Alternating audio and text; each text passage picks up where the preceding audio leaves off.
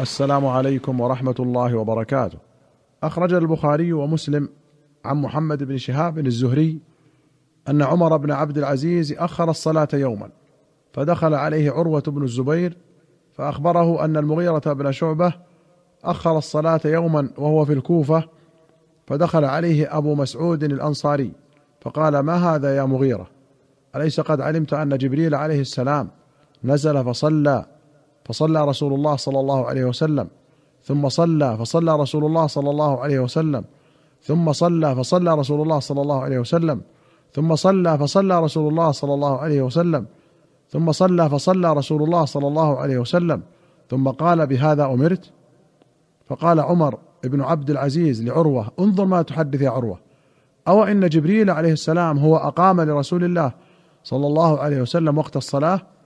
فقال عروة كذلك كان بشير بن أبي مسعود يحدث عن أبيه. قال وقال عروة ولقد حدثتني عائشة زوج النبي صلى الله عليه وسلم أن رسول الله صلى الله عليه وسلم كان يصلي العصر والشمس في حجرتها قبل أن تظهر. وفي رواية أن عمر بن عبد العزيز أخر العصر شيئا. فقال له عروة أما إن جبريل عليه السلام قد نزل فصلى إمام رسول الله صلى الله عليه وسلم. فقال له عمر اعلم ما تقول يا عروة. قال سمعت بشير بن أبي مسعود يقول سمعت أبا مسعود يقول سمعت رسول الله صلى الله عليه وسلم يقول نزل جبريل فأمني فصليت معه ثم صليت معه ثم صليت معه ثم صليت معه ثم صليت معه يحسب بأصابعه خمس صلوات.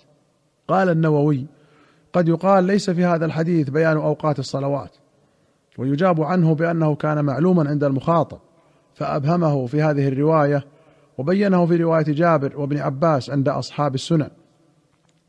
قال أما تأخيرهما يعني المغيرة وعمر فلكونهما لم يبلغهما الحديث أو أنهما كانا يريان جواز التأخير ما لم يخرج الوقت كما هو مذهبنا ومذهب الجمهور.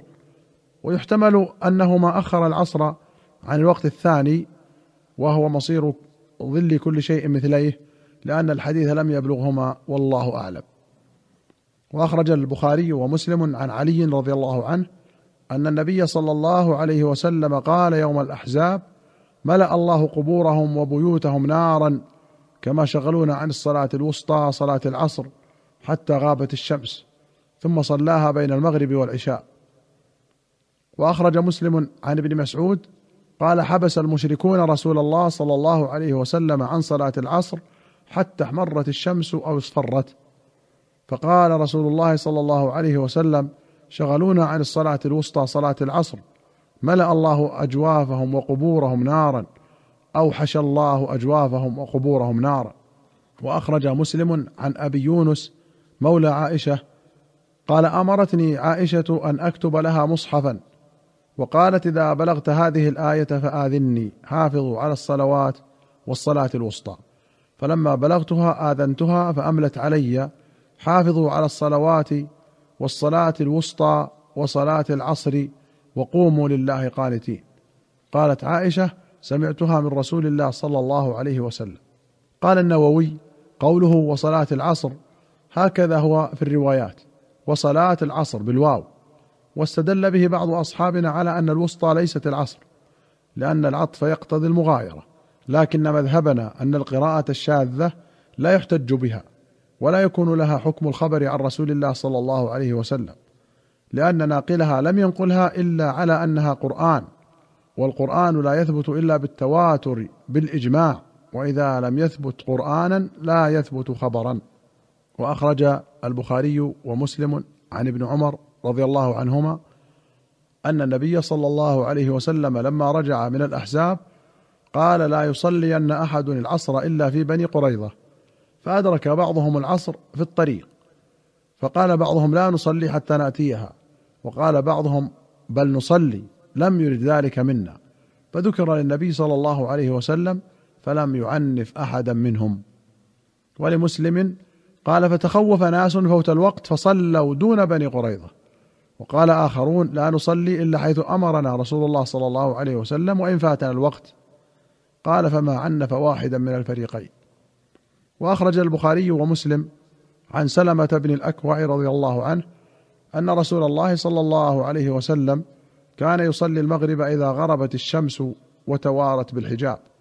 وأخرج البخاري ومسلم عن رافع بن خديج رضي الله عنه قال كنا نصلي المغرب مع النبي صلى الله عليه وسلم فينصرف أحدنا وإنه ليبصر مواقع نبله.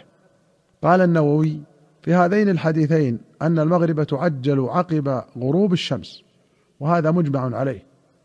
وفيهما إخبار عن عادة رسول الله صلى الله عليه وسلم المتكررة التي واظب عليها إلا لعذر فالاعتماد عليها. وأما الأحاديث السابقة في تأخير المغرب إلى قريب سقوط الشفق فكانت لبيان جواز التأخير. وأخرج أحمد وأبو داود وابن خزيمة والطبراني في الكبير والحاكم والبيهقي في السنن بسند حسن عن أبي أيوب الأنصاري رضي الله عنه أن رسول الله صلى الله عليه وسلم قال لا تزال أمتي بخير أو قال على الفطرة ما لم يؤخر المغرب إلى أن تشتبك النجوم قوله تشتبك النجوم أي تتصل وتظهر صغارها بين كبارها حتى لا يخفى منها شيء. وأخرج البخاري ومسلم عن ابن عمر أن رسول الله صلى الله عليه وسلم قال لا يتحرى أحدكم فيصلي عند طلوع الشمس ولا عند غروبها. وفي رواية قال إذا طلع حاجب الشمس فدعوا الصلاة حتى تبرز. وإذا غاب حاجب الشمس فدعوا الصلاة حتى تغيب. ولا تحينوا بصلاتكم طلوع الشمس ولا غروبها فإنها تطلع بين قرني شيطان أو قال الشيطان. قال عبدة لا أدري أي ذلك قال هشام. وأخرج البخاري عن عبد الله بن مغفل المزني رضي الله عنه أن النبي صلى الله عليه وسلم قال لا تغلبنكم الأعراب على اسم صلاتكم المغرب قال وتقول الأعراب هي العشاء وأخرج البخاري ومسلم عن أبي موسى رضي الله عنه قال كنت أنا واصحابي الذين قدموا معي في السفينة نزولا في بقيع بطحان ورسول الله صلى الله عليه وسلم بالمدينة فكان يتناوب رسول الله صلى الله عليه وسلم عند صلاة العشاء كل ليلة نفر منهم. فوافقنا رسول الله صلى الله عليه وسلم أنا وأصحابي وله بعض الشغل في أمره حتى أعتم بالصلاة حتى بهار الليل أي انتصف. ثم خرج صلى الله عليه وسلم فصلى بهم. فلما قضى صلاته قال لمن حضره على رسلكم أعلمكم وأبشروا أن من نعمة الله عليكم أنه ليس من الناس أحد يصلي هذه الساعة غيركم أو قال ما صلى هذه الساعة أحد غيركم. لا ندري أي الكلمتين قال. قال أبو موسى فرجعنا فرحين بما سمعنا من رسول الله صلى الله عليه وسلم. وأخرج ابن أبي شيبة وأحمد وأبو داود والطبراني في الكبير والبيهقي في السنن بسند حسن عن معاذ بن جبل رضي الله عنه قال رقبنا رسول الله صلى الله عليه وسلم في صلاة العشاء فاحتبس حتى ظننا أن لن يخرج والقائل منا يقول قد صلى ولن يخرج فخرج رسول الله صلى الله عليه وسلم.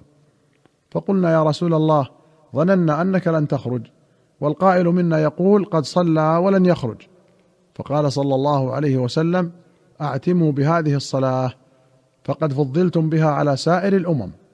ولم تصلها أمة قبلكم. قوله اعتموا بها أي أدخلوها في العتمة وهي ظلمة الليل.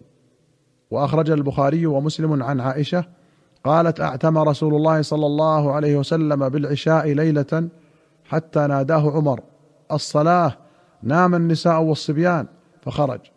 فقال ما ينتظرها من أهل الأرض أحد غيركم. وكانوا يصلون فيما بين أن يغيب الشفق إلى ثلث الليل الأول. وذلك قبل أن يفشو الإسلام. ولمسلم قالت أعتم رسول الله صلى الله عليه وسلم ذات ليلة حتى ذهب عامة الليل وحتى نام أهل المسجد ثم خرج فصلى فقال إنه لوقتها لولا أن أشق على أمتي. أيها المستمعون الكرام إلى هنا نأتي إلى نهاية هذه الحلقة. حتى نلقاكم في حلقة قادمة بإذن الله نستودعكم الله والسلام عليكم ورحمة الله وبركاته.